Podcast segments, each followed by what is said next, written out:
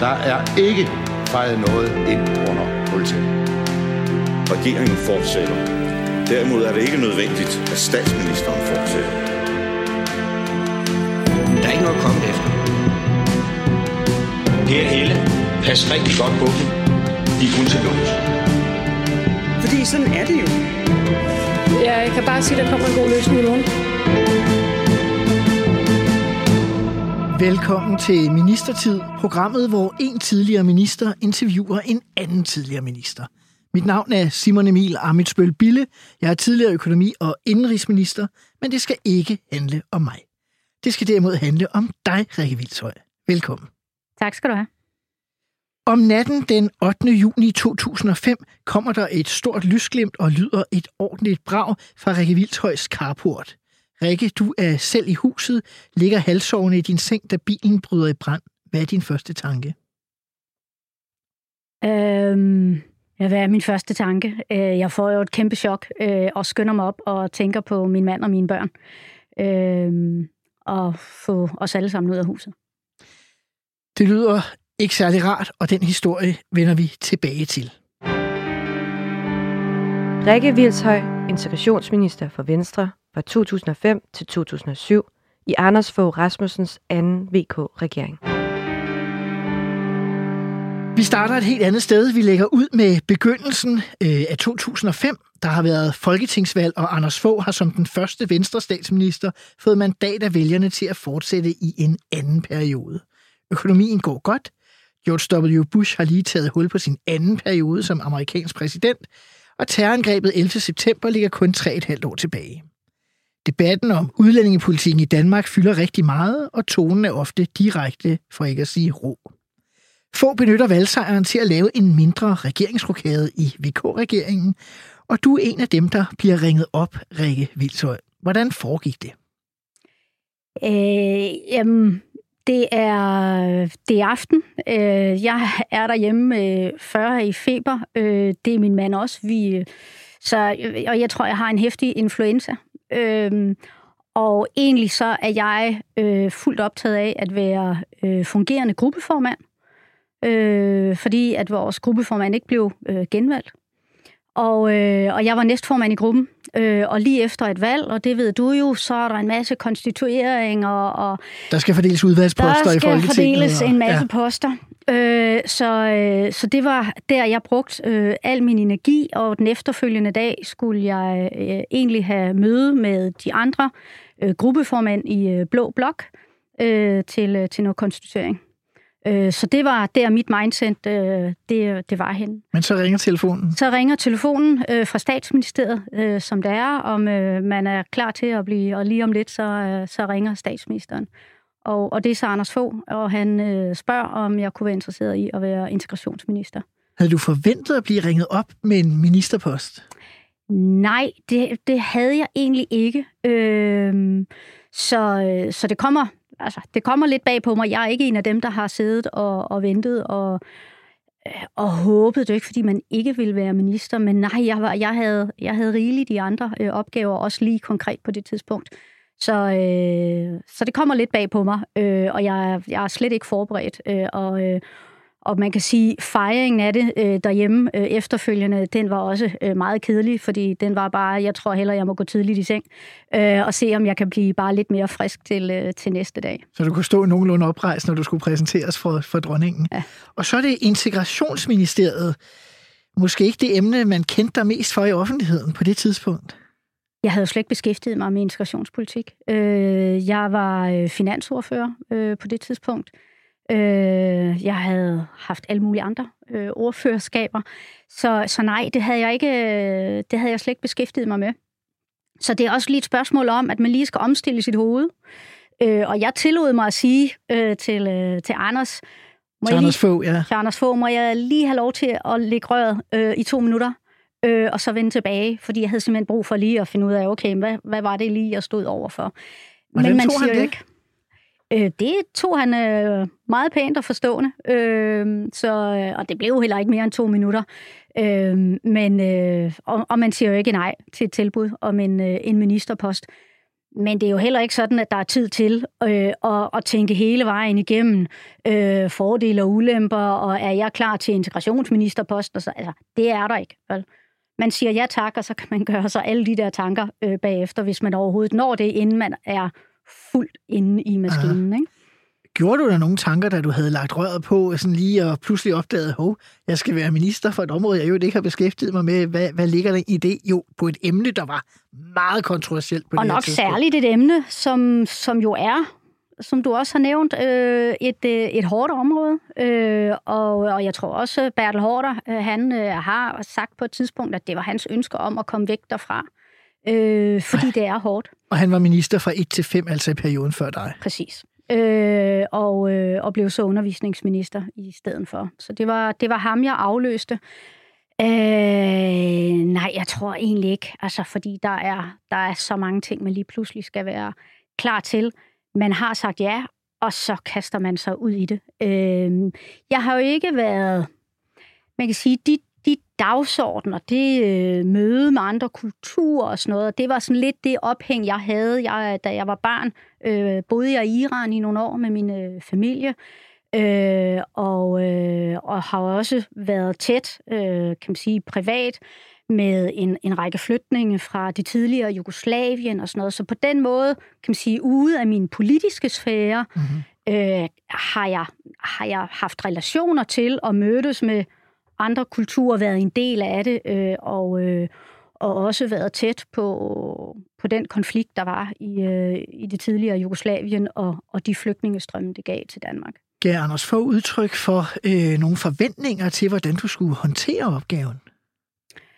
Øh, nej, det, det, det gjorde han sådan set ikke. Øh, og Anders Fogh, han, øh, han havde jo, han skrev jo sine øh, regeringsgrundlag Øh, og især det første var jo kendt for, at det var sådan et, og medierne går meget ud af, at kunne hakke af øh, på, bliver det til øh, noget? De, for, bliver det til noget, ikke?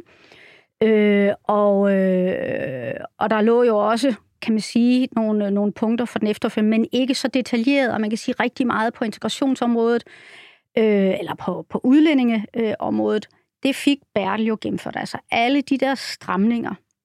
Så Øh, jeg tror, jeg oplevede, at jeg nok havde et, et, et, et faktisk et lidt større rum til at definere, øh, hvad jeg også ville give plads til. Og hvordan øh, så du så opgaven, du stod overfor, da du lige havde fået lov til at sætte dig i stolen? Hvad var så det vigtigste, du gerne ville? Jeg ville rigtig gerne få, kan man sige, integrationen til at fylde noget mere. Det havde handlet meget om, og dem var jeg jo enig i, de opstramninger på øh, øh, de udlændinge, der kunne komme til Danmark, de var simpelthen nødvendige. Men øh, jeg havde det også sådan, at det skulle vi jo gøre for at sikre, at dem, der er i Danmark, og dem, der fortsat vil komme til Danmark, kunne blive velintegreret. Og den dagsorden, den vil jeg gerne have til at øh, fylde noget mere. Så det var faktisk også noget af det første, jeg talte med, øh, med Dansk Folkepartis øh, to øh, ordfører om, Søren Krav og Jesper Langballe, øh, som man ikke præster. som venstreminister øh, i Anders Foghs tid ikke kunne komme uden om. Øh, det, var, det var faktisk der, hvor jeg startede dialogen med dem. Det var at, øh, at sige, vi er nødt til at øh, tale integration, vi er nødt til at sætte fokus på, hvordan vi, dem, altså dem, som er i Danmark og som ikke rejser nogen steder, hvad er det for en interesse, vi har i, at de bliver en del af det danske samfund. Og hvordan tog DF-præsterne det? Jamen, det, de tog det jo sådan set meget, fordi de havde, der havde de ikke selv noget på hylderne. Øh, de havde rigtig meget øh, på hylderne, når det handler om, øh, hvad er de næste stramninger, vi skal have. Uh-huh. Øh, men de afviste det heller ikke. Så jeg oplevede sådan set, at, at jeg, kunne, jeg kunne definere det der, så længe at jeg kunne sikre, at, øh, at de øh, havde tillid til mig, øh, også på de ting, der betød noget for dem, så havde jeg sådan set et, øh, et ret stort øh, spillerum i forhold til at sætte øh, nogle initiativer i gang, når det handlede om, om integration, hvor mange af dem jo var, kan man sige, ikke nødvendigvis hård lovgivning, men var nogle initiativer og et fokus, der var nødvendigt at sætte.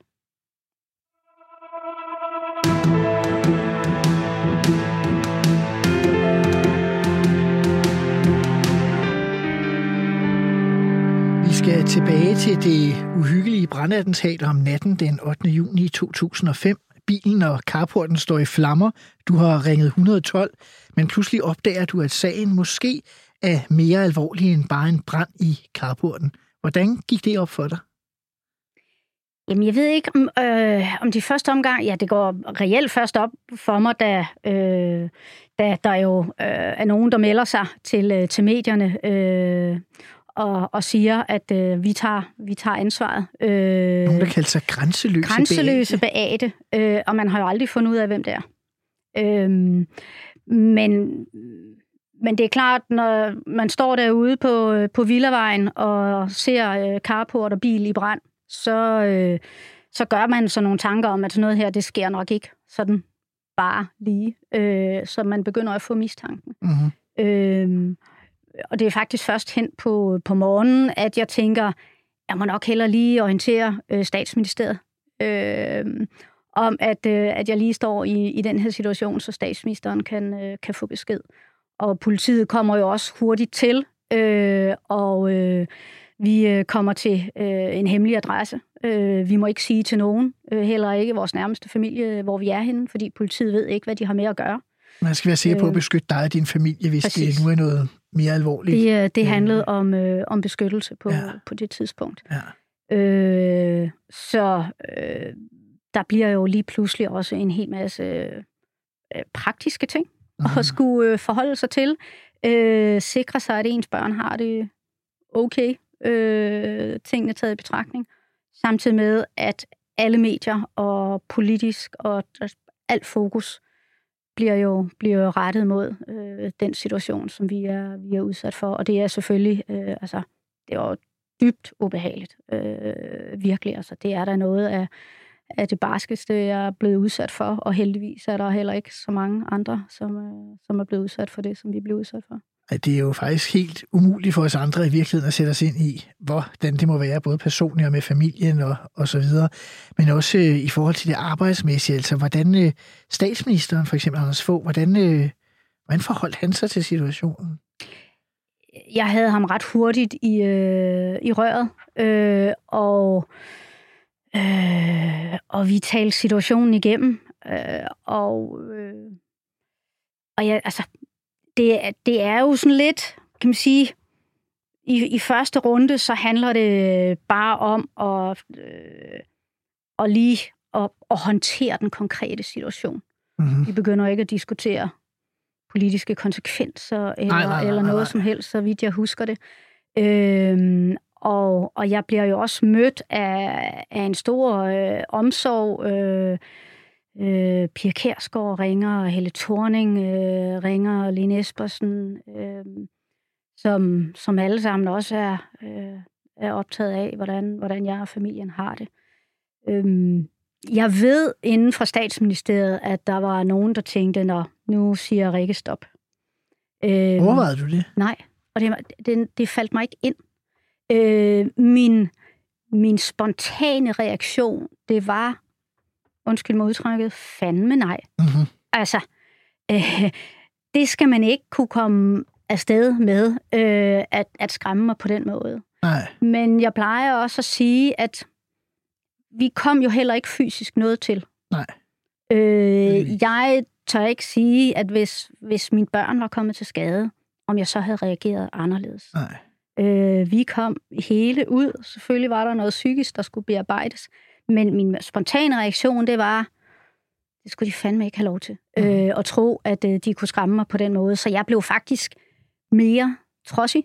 Øh, ikke, ikke politisk, øh, men i forhold til at, at insistere på, at, øh, at kunne være minister. Jeg synes jo, at vi i Danmark, og det synes jeg også, øh, jeg var, øh, meget tilgængelige. Vi er let tilgængelige som politiker, så jeg sad jo tilbage med den følelse af, at jamen, de kan jo bare komme til mig, hvis de har øh, noget, de vil sige, noget, de vil diskutere, et budskab, mm. de vil af med, så kan de sådan set bare komme hen og stille sig foran mig.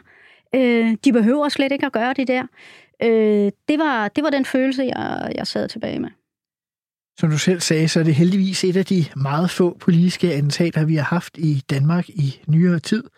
Øh, Jeg glemmer aldrig billedet af din helt øh, nedbrændte Mazda. Man ser resterne af karosseriet, der er helt sådan blevet hvidt, som det er, når metal øh, brænder.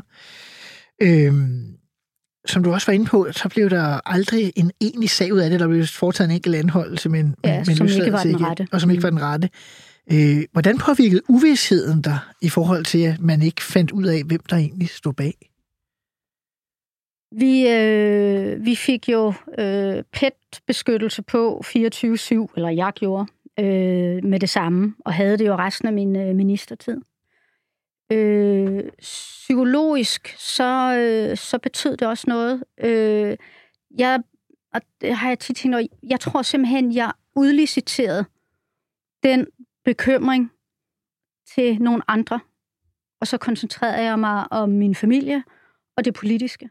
Ja, Øh, og, og så måtte jeg, så måtte jeg lade PET øh, om beskyttelsen og politiet om at finde ud af, hvad der er sket. Jeg kan jo godt sidde tilbage og være, altså, at der er nogen, der er sluppet af sted med det her.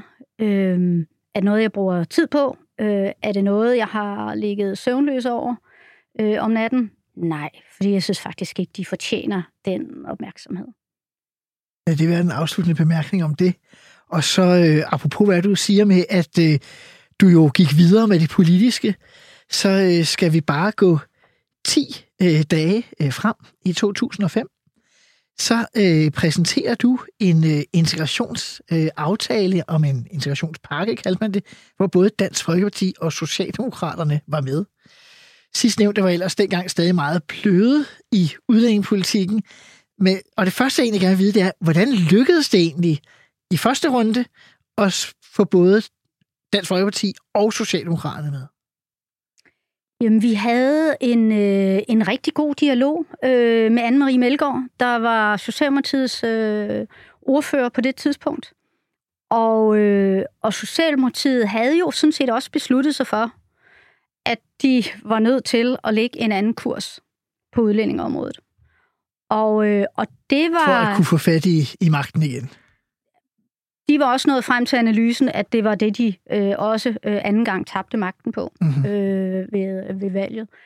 Så, så, så der øh, måtte jeg forstå, og det tror jeg også fremgik øh, af pressen dengang, at, at der var lagt en, øh, en linje, og det, øh, det ville S gerne vise, øh, at, at de også kunne være, være med øh, på, på nogle konsekvenser, at vi sørgede for, at øh, flere med indvandrerbaggrund kom i beskæftigelse og fik taget sig en uddannelse, og øh, der var også lidt fokus på, på ghettoisering, i dag er vi jo et helt andet sted.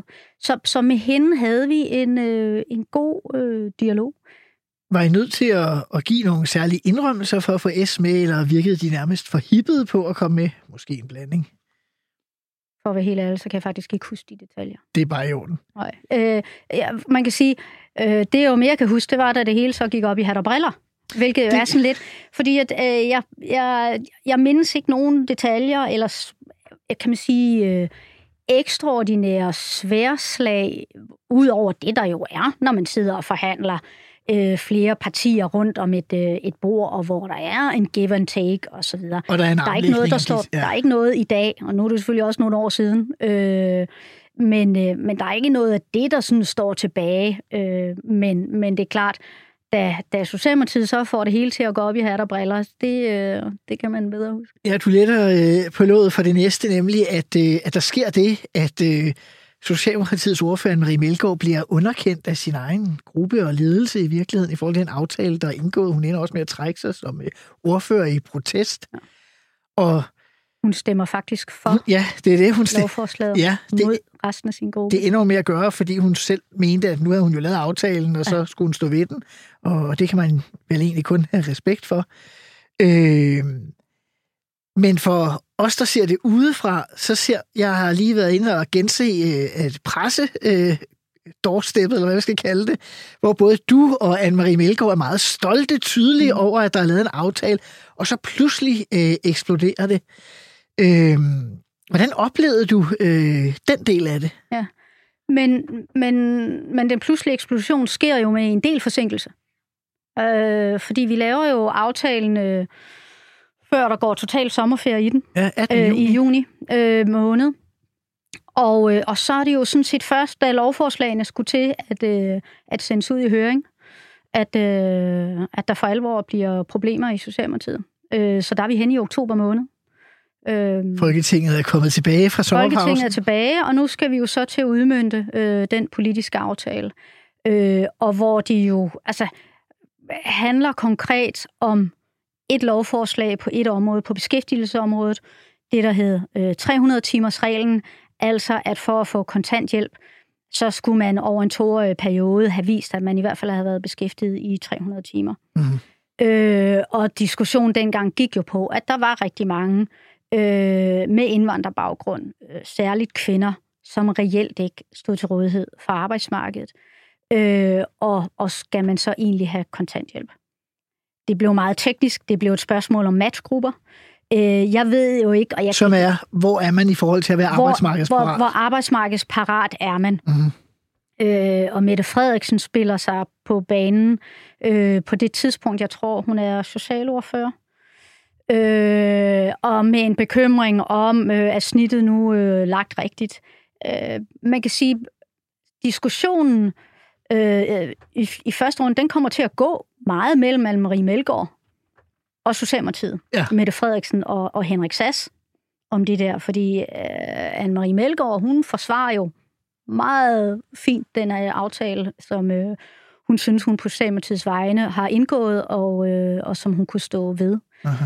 Øhm, så det ender jo med at blive en diskussion om noget teknisk, som gør, at Socialdemokratiet reelt ikke længere er med i, øh, i aftalen.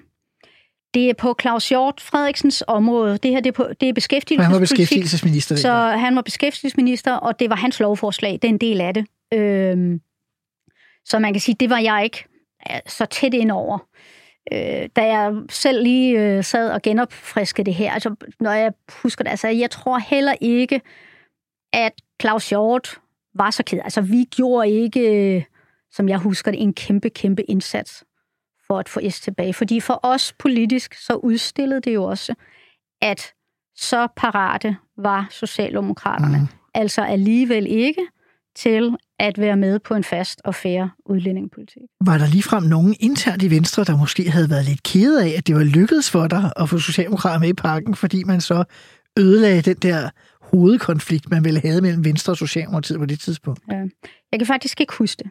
Øh, personligt var, var jeg glad, altså også fordi det er et, et hårdt område. Øh, så det her med, at vi, øh, at vi var lidt flere øh, om at køre sådan en linje øh, som minister, øh, synes jeg, at det var, det var rart.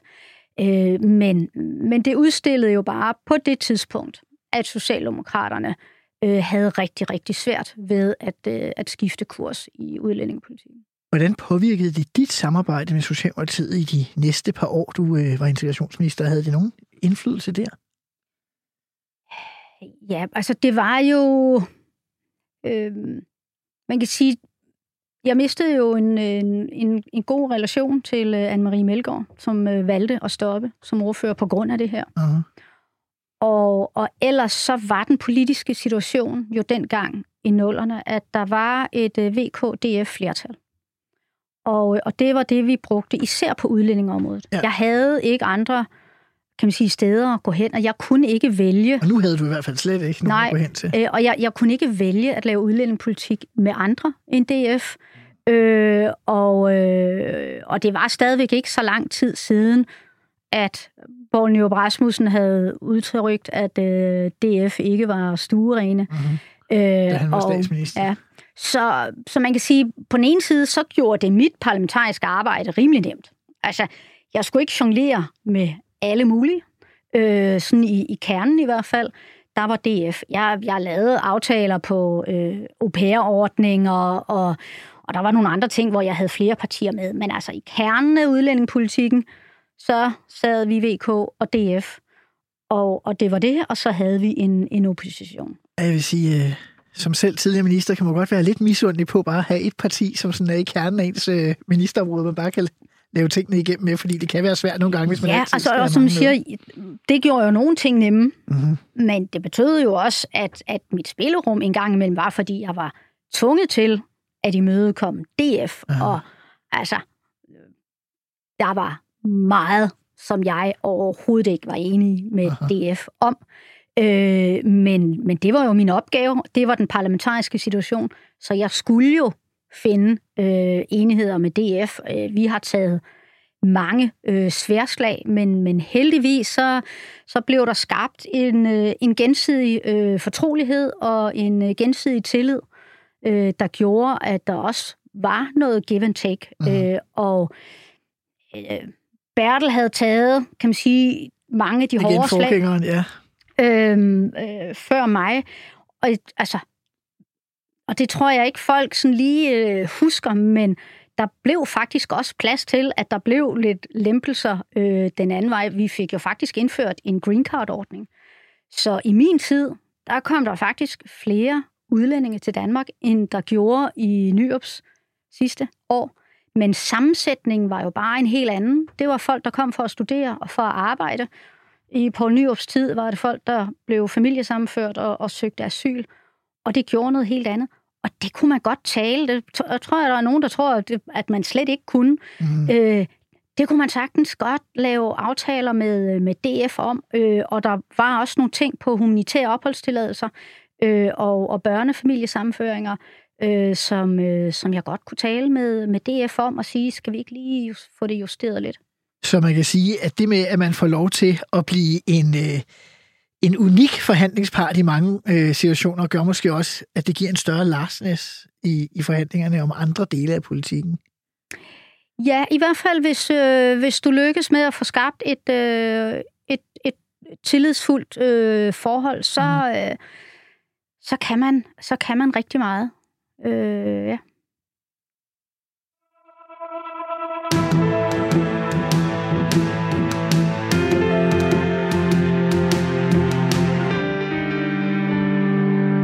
Nu er vi kommet til den blok i programmet, der hedder Fem faste spørgsmål, hvor jeg stiller nogle forholdsvis korte spørgsmål, og jeg opfordrer gæsten til at give nogle forholdsvis øh, korte svar, men det er nogenlunde de samme spørgsmål, som alle de tidligere ministre, der kommer ind i programmet, kommer til at få. Det første er, fik du udrettet nok som minister? Nej, det gør man aldrig. Jeg vil undre mig meget, hvis du havde en her i studiet, der sagde, yes, øh, klappet færdigt, jeg har klaret det, jeg skulle. Nej, det gør man ikke. Hvad vil du helst have, have nået ud over det, du gjorde? Jeg vil øh, gerne have øh, nået endnu længere på, på de integrationsspørgsmål, som jo stadigvæk fylder meget. Hvordan får vi sikret, at dem, der faktisk bor og lever i Danmark, føler sig som en del af Danmark? Det var noget, der øh, kom til at ligge mit hjerte rigtig meget nær. Øh, og, øh, og det vil jeg da gerne have kommet endnu længere med. Hvad var din ministertids værste øjeblik? Øh, ja, ud over branden. Øh, altså, er der, der var forskellige... Mohammed-krisen kom jo øh, ind fra højre. Øh, den, den fyldte ikke direkte hos mig, men den påvirkede jo altså alt, hvad vi lavede. Øh, og, og jeg forsøgte også at komme med mit bidrag til, hvordan vi i Danmark kunne, øh, kunne komme videre øh, der, som apropos integration, var, var noget, jeg var rigtig stolt af. Uh-huh. Øh, og, og ellers så er de mange personsager, øh, de er hårde. Ja. Altså, når der var sager i medierne med nogen, der var kommet i klemme i systemet. Ja, og også de menneskeskæbner, man møder. Uh-huh. Øh, altså uanset om der er, er medier på eller, eller ej. Fordi det er, det er jo et område, hvor der er nogle hårde menneskeskæbner øh, med folk, der har været udsat for nogle ting, som er rigtig svært at sætte sig ind i og forestille sig, øh, at mennesker kan overleve øh, nogle af de ting, som, som jeg har mødt. Du har selv øh, tidligere været ude og tale om det her med øh, udfordring i at ramme den rette balance i forhold til nogle af de her øh, personlige øh, skæbner. Ja. Kan du prøve at uddybe det lidt? Ja, altså det er faktisk en ting, som jeg, øh, som jeg ikke selv er tilfreds med, og ikke selv synes, jeg lykkes med. Øh, og, og som jeg stadigvæk den dag i dag kan ærge mig lidt over. Øh, jeg lykkedes ikke med at finde balancen mellem at øh, udtrykke øh, øh, empati og forståelse for den situation, som øh, folk er i, og igen mange af de der enkeltsager, der var, som jeg jo, altså, som jeg jo havde, altså for pokker, øh, øh, nogle utrolig svære situationer, men balanceret op imod den politik, som var nødvendig for øh, i en helhed at sikre, at øh, vi havde styr på, hvem der kom til Danmark, og hvem det var, der havde ret til at komme til Danmark, i et helhedshensyn til, at Danmark ikke knækkede over, at vi kunne håndtere øh, den integrationsopgave, der følger med folk, der kommer til Danmark. Og det, øh, det synes jeg var rigtig svært, fordi jeg, jeg, jeg følte, at hvis jeg, jamen, hvis jeg udtrykte alle mine følelser og empati, så vil folk naturligt spørge, jamen Rikke, hvis du føler sådan, hallo, øh, så gør noget så ved bare, det. Så gør noget ved det. Ikke?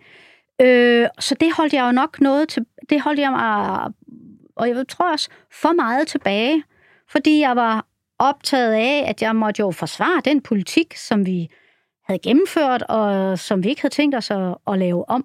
Mm. Øh, det, det synes jeg var, var rigtig svært.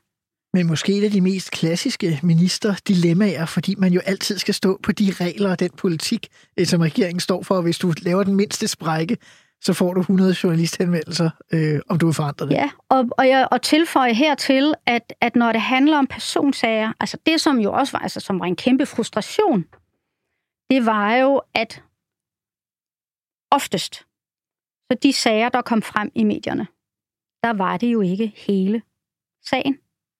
Øh, men det kunne jeg jo ikke sige, fordi det var personsager, og det havde jeg dyb respekt for. Mm-hmm. Det kunne jeg aldrig finde på. Men det betød, at jeg blev konfronteret med noget om, jamen hvorfor, hvis situationen er sådan her, kan du ikke, og jeg ikke samtidig kunne sige, jo, men nu skal I høre, det er så fordi, at de kun har læst, øh, og det sådan var det tit, at journalisterne havde fået udleveret den første side af afgørelsen, ja. øh, og ikke de sidste syv. Øh, jeg kunne prøve at appellere til, øh, bede om at få hele afgørelsen, fordi så hænger det måske mere sammen. Mm. Men, men, men sådan var, øh, kan man sige, øh, situationen på det tidspunkt også mediemæssigt. Mm. Øh, der var nogle medier, som elskede at køre de der sager. Ja, nu er det jo mig, der går lidt dybere ned i, i ja. nogle af spørgsmålene alligevel, men jeg kan ikke lade være.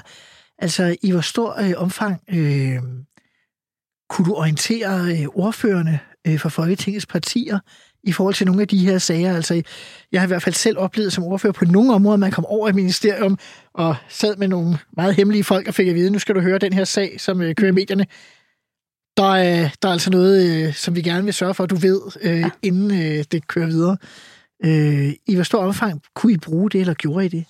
Det, det kunne jeg godt, og det gjorde vi også en gang imellem. Øh, nogle gange, øh, oftest, så foretræk øh, oppositionen øh, et, øh, et åbent samråd. Mm. Nogle gange så sagde jeg, at hvis vi nu tager et lukket samråd, så kan vi tage den. Øh, men, men det var ikke det, det handlede om fra oppositionens side. Øh, de ville have et åbent samråd, øh, så, så det hele kunne komme ud. Og det gjorde jo bare, at jeg ikke kunne sige noget. Ja. Fordi der kunne godt skabes et fortroligt rum, hvor man kunne give, øh, kan man sige, nogle flere fortrolige oplysninger øh, til de enkelte folketingsmedlemmer. Vi hopper videre til det tredje spørgsmål. Øh, hvad for din ministertid er du flov over?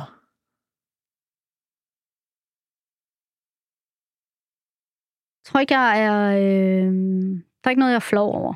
Jeg, jeg, jeg kan være ærgerlig over noget af det, jeg nævnte øh, før, at, øh, at jeg ikke synes, jeg evnede at balancere en udtrykke en empati, samtidig med at stå fast på, på nogle regler. Men, men flov, øh, det synes jeg ikke, jeg har været. Hvad er så den største revkage, du har lavet som minister? Øhm, jeg tror, jeg er rigtig, rigtig dårlig til at lave revkager, og jeg mindes ikke, at jeg har, jeg har lavet nogen. Jeg faktisk sige, som tidligere daværende radikal øh, udlændingoverfører, så tror jeg faktisk, at, øh, at jeg må give dig ret, at du er nok en af de ministre, som jeg ville tænke havde lavet færre revkager. Det kan være, du er bedre til at skjule, det skal jeg ikke kunne sige, men det vil jeg faktisk tro, at du ikke ja, ville være til. Det tror jeg ikke, jeg dur til. Det sidste er, hvem var din værste kollega i ministertiden? Jeg ved ikke om de værste kolleger, men, øh, men jeg havde nogle kolleger, som øh, absolut havde en dagsorden om, at jeg skulle ned med nakken. Øh, og øh, en af dem står lige over for mig nu her, øh, og hedder Simon Emil. Og øh, øh, jeg tror, der var ikke mange øh, onsdage øh, med spørgetid. Øh, øh, eller samråd, hvor øh, to radikale folketingsmedlemmer, øh, Morten Østergaard og øh, Simon Emil Amesbøl, ikke mente, at nu havde de Tamilsagen mod Rikke Vildshøj. De var overbevist, og det stod vi så og slog sammen hver onsdag, og næste onsdag, så var der en ny sag, øh, hvor man lige fik sagt, vi har krammet på hende, vi har fundet Tamilsagen. Men den var der jo aldrig, heldigvis. Og, heldigvis, øh, man kan sige, det er så kommet med din afløser, savløser, savløser. Øh, men øh, det er rigtigt, at Morten Østergaard og jeg udgjorde vel det, man dengang kunne kalde et radikalt tæskehold på udlændingepolitikken, som havde til opgave at hele tiden sætte udlændingepolitikken i fokus og sørge for at få regeringen til at komme i så dårligt lys øh, som overhovedet muligt. Øh, og man kan sige, at øh, der er helt klart nogle af de ting, som jeg selv igennem årene jo så øh, nok ændrede opfattelse på, øh, og nok vil være mere enig med dig. Øh, og det er jo egentlig sjovt også, hvordan det kan udvikle sig. Altså, man kan også have et længere spørgsmål omkring, hvordan du ser på, på den udlændingepolitik, der bliver ført i dag i forhold til dengang. Fordi når jeg ser på alle de udlændinge- og integrationsministre, der har været fra 2001 til i dag, så er du måske i virkeligheden den, der fremstår tydeligst som integrationsminister. Mm. Hvor der er rigtig mange af de andre, om ikke alle, der mere fremstår som udlændingeminister, altså regulering af, hvor mange kan der komme, hvor at dit eftermæl måske mere er fokus på, hvad kunne vi gøre øh, for at integrere dem, der var. Tak, fordi det betyder faktisk meget for mig. Øh, fordi det var det, øh, jeg var optaget af. Øh, og ja, så skulle jeg administrere øh, og vedligeholde øh, en, øh, en udlændingepolitik.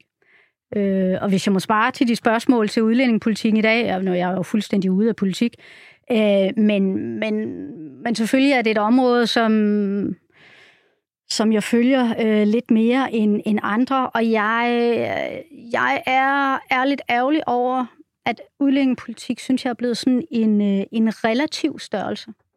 Forstået på den måde, at, at, at man positionerer sig i forhold til dem, der sætter den strammeste kurs, øh, og så flytter alt i stedet for, at man lige siger, hey, hvor går vores grænser mm. egentlig? Og altså, jeg, jeg oplever jo i dag, at der, hvor udlændingepolitikken er i dag, øh, ført af S, også med hjælp fra SF, at der er der nogle punkter, hvor jeg tænker, hold da op, de er gået højere om mig. Mm-hmm. Øh, og, og der er jo snart ikke noget af det, øh, hvis der er noget tilbage, at, at den kurs, jeg førte, som ikke altså er, er overhalet øh, for, for længst. Så, så det var jo min udlændingepolitik dengang, den tror jeg i dag vil blive betragtet som øh, rimelig blød. Den vil kun kunne støttes af det radikale venstre enhedslisten, ja, er det, du siger? ah, forhåbentlig ah, lidt flere. Ja, ja. Men det, men det er jo en interessant diskussion. Jeg har selv oplevet at sidde til et gruppemøde i Liberale Alliance, hvor vi diskuterede et konkret emne, og hvor der på et tidspunkt er en, der siger, men det handler ikke om indholdet, det handler om, vi er strammere eller vi er slappere. Og man bare sidder tilbage og tænker, Nå, okay, handler det slet ikke om indholdet. Øh, og det er måske det, der er virkelig også det, du siger, det er der, vi Og det, det synes jeg er trist.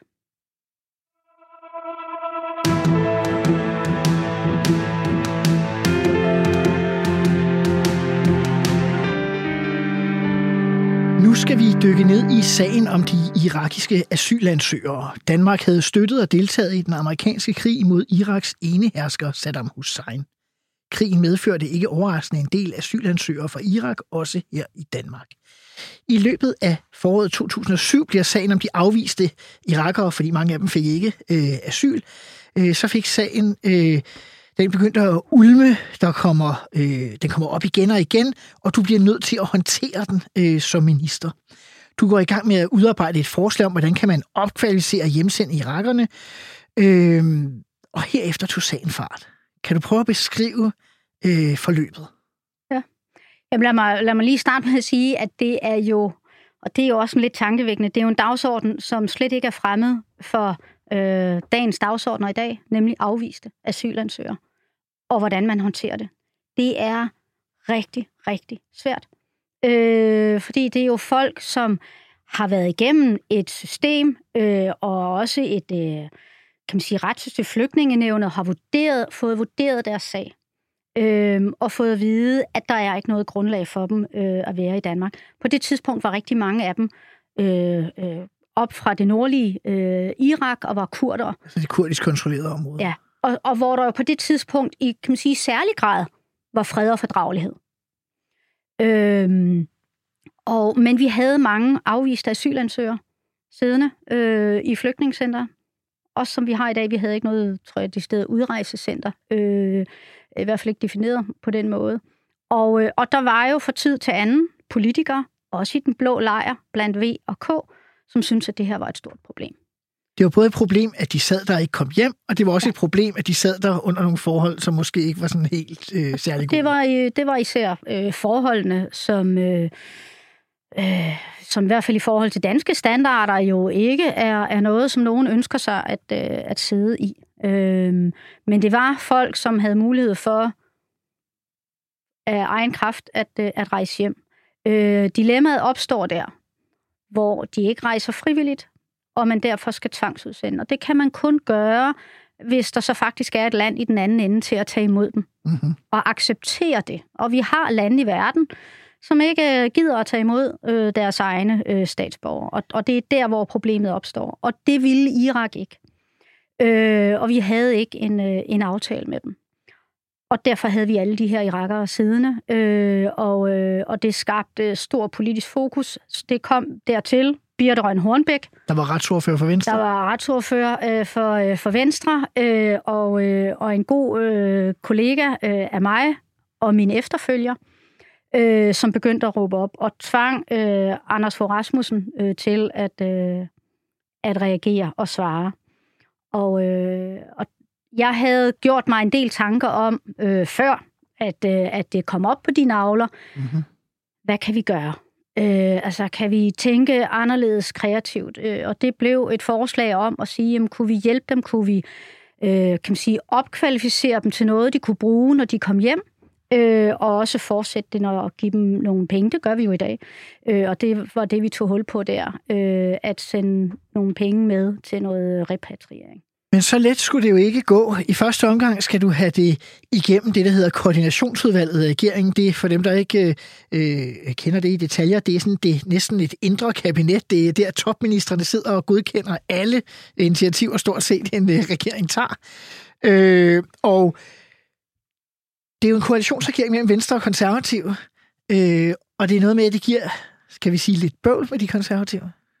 Ja, og de konservative vil sådan set gerne øh, tale med om det her, øh, men de vil ikke sige, de, de siger, jamen vi vil ikke acceptere, at det så kun er for nogen afviste, og ikke for alle. Altså det kun er irakerne, at det kun er for irakerne. Øh, og og det, var, det var lidt oplægget, dels i antal var det dem, der fyldte, øh, og, øh, og, og politisk skabte, øh, skabte problemer. Og jeg vidste også godt, at jeg ikke kunne gå til DF og sige, øh, skal vi nu ikke give alle de afviste asylansøgere, fordi sådan hører de det jo, mm-hmm. øh, en masse penge? Skal vi ikke belønne dem med at øh, få noget, noget opkvalificering, øh, inden de rejser hjem, og endda give dem nogle penge med på vejen til at etablere sig derhjemme?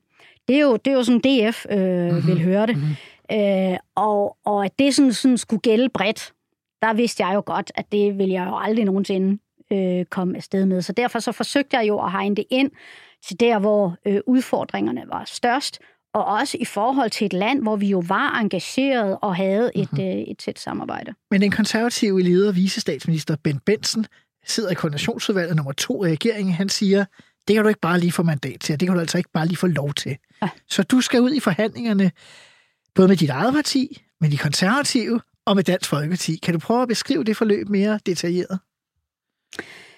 Øh, jamen, der er jo mange, der kommer i, øh, i spil, øh, ud over øh, ordførende, øh, og også det her med at finde ud af, hvem, øh, hvem er smart at sætte sammen på hvilke tidspunkter. Ja. Fordi det, altså, generelt, men særligt her, blev det et, øh, et område, hvor, hvor det blev ret højspændt, og hvor der var mange følelser.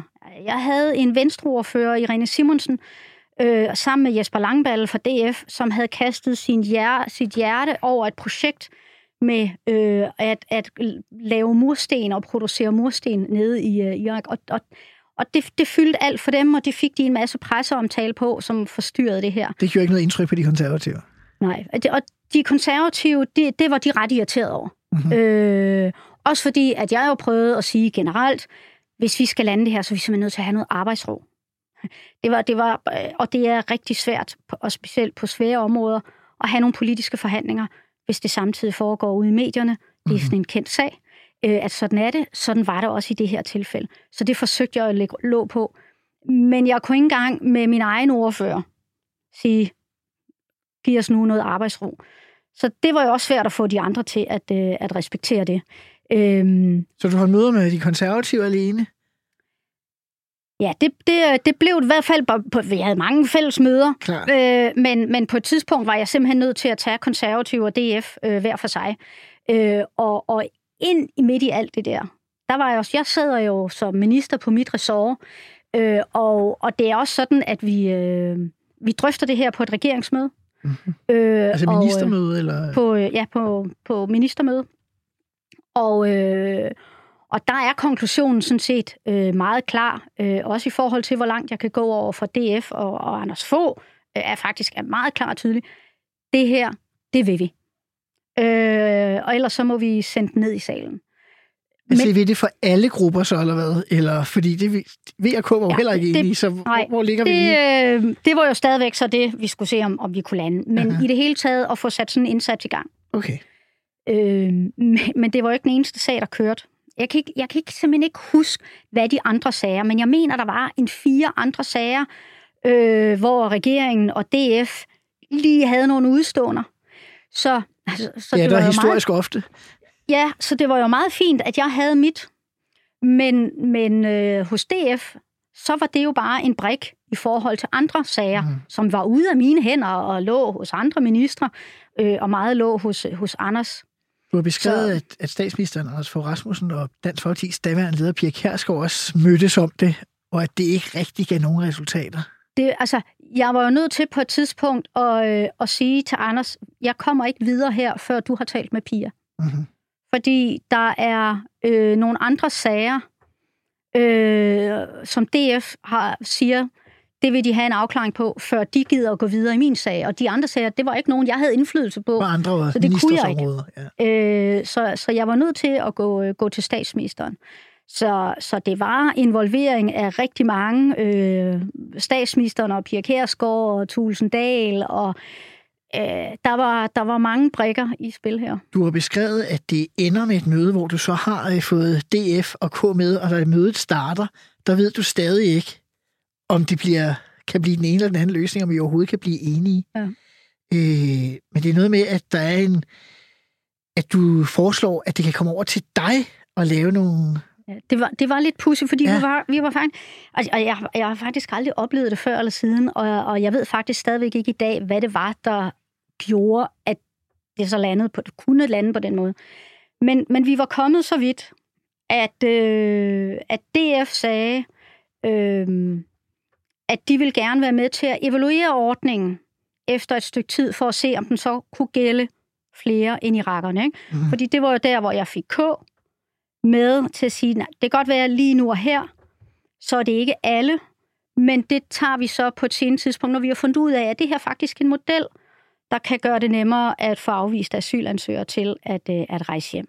Så, så langt havde jeg fået dem til at, øh, at møde, at K sagde, okay, vi, øh, vi evaluerer, og så har K stadigvæk ønsket om, at det skal gælde bredt.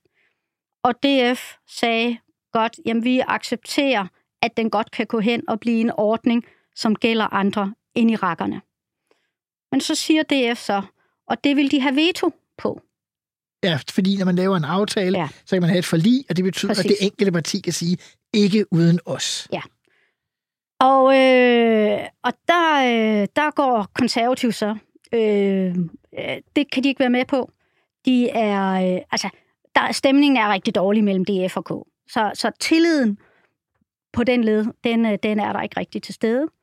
Og, øh, og så spiller jeg ind med at sige, hvad nu hvis det er ministeren, der afgør det? Altså mig. Mhm. Mm-hmm. Så, er det ikke, så er det ikke V og K, øh, eller hvad hedder det, øh, K og, og DF, DF.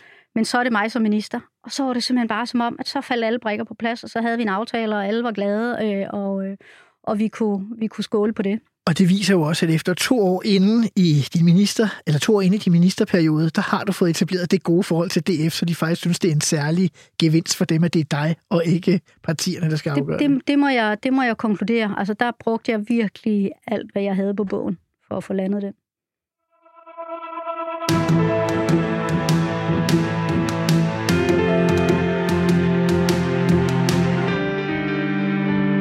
Allerede inden valget i november 2007 havde du egentlig gjort op med dig selv, at øh, du nok ikke skulle fortsætte som øh, minister efter et valg. Øh, hvad var egentlig baggrunden for, at du selv traf beslutningen om, at det bare var for en enkelt periode, du skulle være minister? Det var i hvert fald sådan, det, øh, det endte med at blive. Jeg, øh, jeg plejer at sige til folk, når, når folk spørger, jeg kiggede på klokken. Jeg, jeg kom ind i politik meget tidligt. Øh, kommunalpolitik i 93, Folketinget i 98. Kom ind meget ungt. Og, øh, Hvor ung var du? Kan du? Øh, altså, jeg var 23, da jeg blev valgt i kommunalbestyrelsen, ikke? Øh, og, øh, og 28 i Folketinget. Jeg, jeg havde ikke... Og det var nogle muligheder, der øh, havde budt sig gennem årene. Øh, jeg gik ikke rundt og havde øh, og havde som ung planer om, at jeg skulle være politiker og minister. Jeg, jeg havde egentlig alle mulige andre planer øh, ude i det private erhvervsliv. Så jeg havde faktisk også lovet mig selv, at når jeg nu startede så ungt i politik, så skulle jeg heller ikke gå på pension mm-hmm. som politiker. Mm-hmm. Øhm, og så for mig var det altså egentlig en karrierebeslutning at sige, hvis jeg så ikke skal det, så er jeg jo nødt til at stoppe i politik på et tidspunkt, hvor jeg stadigvæk har muligheden for at, at skabe mig øh, et nyt karriereforløb mm. uden for politik, og, og så skulle der ikke gå så mange øh, år mere. Øh, og derfor så besluttede jeg mig for, at, at hvis jeg skulle nå det, og ikke for mange døre skulle være lukket bag mig, så skulle det være på det tidspunkt. Det nemmeste i verden havde været bare at fortsætte i politik. Du ved det selv. Jeg plejer at sige, at det er en basille, øh, man, bliver, man bliver fanget i, øh, og den er svær at komme af med. Øh, men, øh, men så det var egentlig baggrunden for, at, øh, at jeg besluttede, som jeg gjorde. Jeg kan ikke være med at have den tanke, at øh, hvis nu Anders få statsministeren, havde tilbudt noget andet, altså en anden ministerpost, mm. tror du så, han kunne have blødt din beslutning op? Fordi man kan godt forstå, at integrationsministeriet, ja. det er virkelig hårdt at sidde på, du fortæller selv. Bertel Hård, der havde sagt mm. kun en periode. Du siger kun en periode, fordi du skulle ud i det private. Men kunne der godt have været en vej til at beholde dig, hvis han havde tilbudt noget andet? Ja, vi har en, øh, en minister i dag til Sverige, som, øh, som siger, det er som ringen i ringenes herre. Øh, og Gollum, og, og jeg. Og være integrationsminister. Og være integrationsminister. øhm, øh, det var selvfølgelig også nogle hårde år. Mm-hmm. Altså, øhm, åh, det, er jo, det er jo svært at sige. Jeg, jeg, nej, jeg tror det ikke. Altså, fordi det, det var... Øh, det var det, der var baggrunden. Kunne jeg tage nogle år mere? Måske. Jeg kunne også godt se, at jeg... Øh, jeg har elsket, øh, og hvis jeg kunne nøjes med det, så ville det være noget andet, at sidde i øh, øh, forhandlingslokalet. Jeg vil allerhelst sidde for, for bordenden. Men, men det, det kræves i dag at være politiker, øh, det, er ikke, det er ikke noget for mig. Så hvis jeg stillede dig spørgsmålet om, hvis der pludselig bød sig en mulighed, du kunne blive minister igen, så ville svaret være nej. Ja. Det ville det. Tak til dig, Rikke Vildshøj, for at være med, og tak til jer for at lytte med til Ministertid her på 24-7. Mit navn er Simon Emil Amitsbøl Bille, og du kan følge med i næste uge, hvor det igen bliver Ministertid.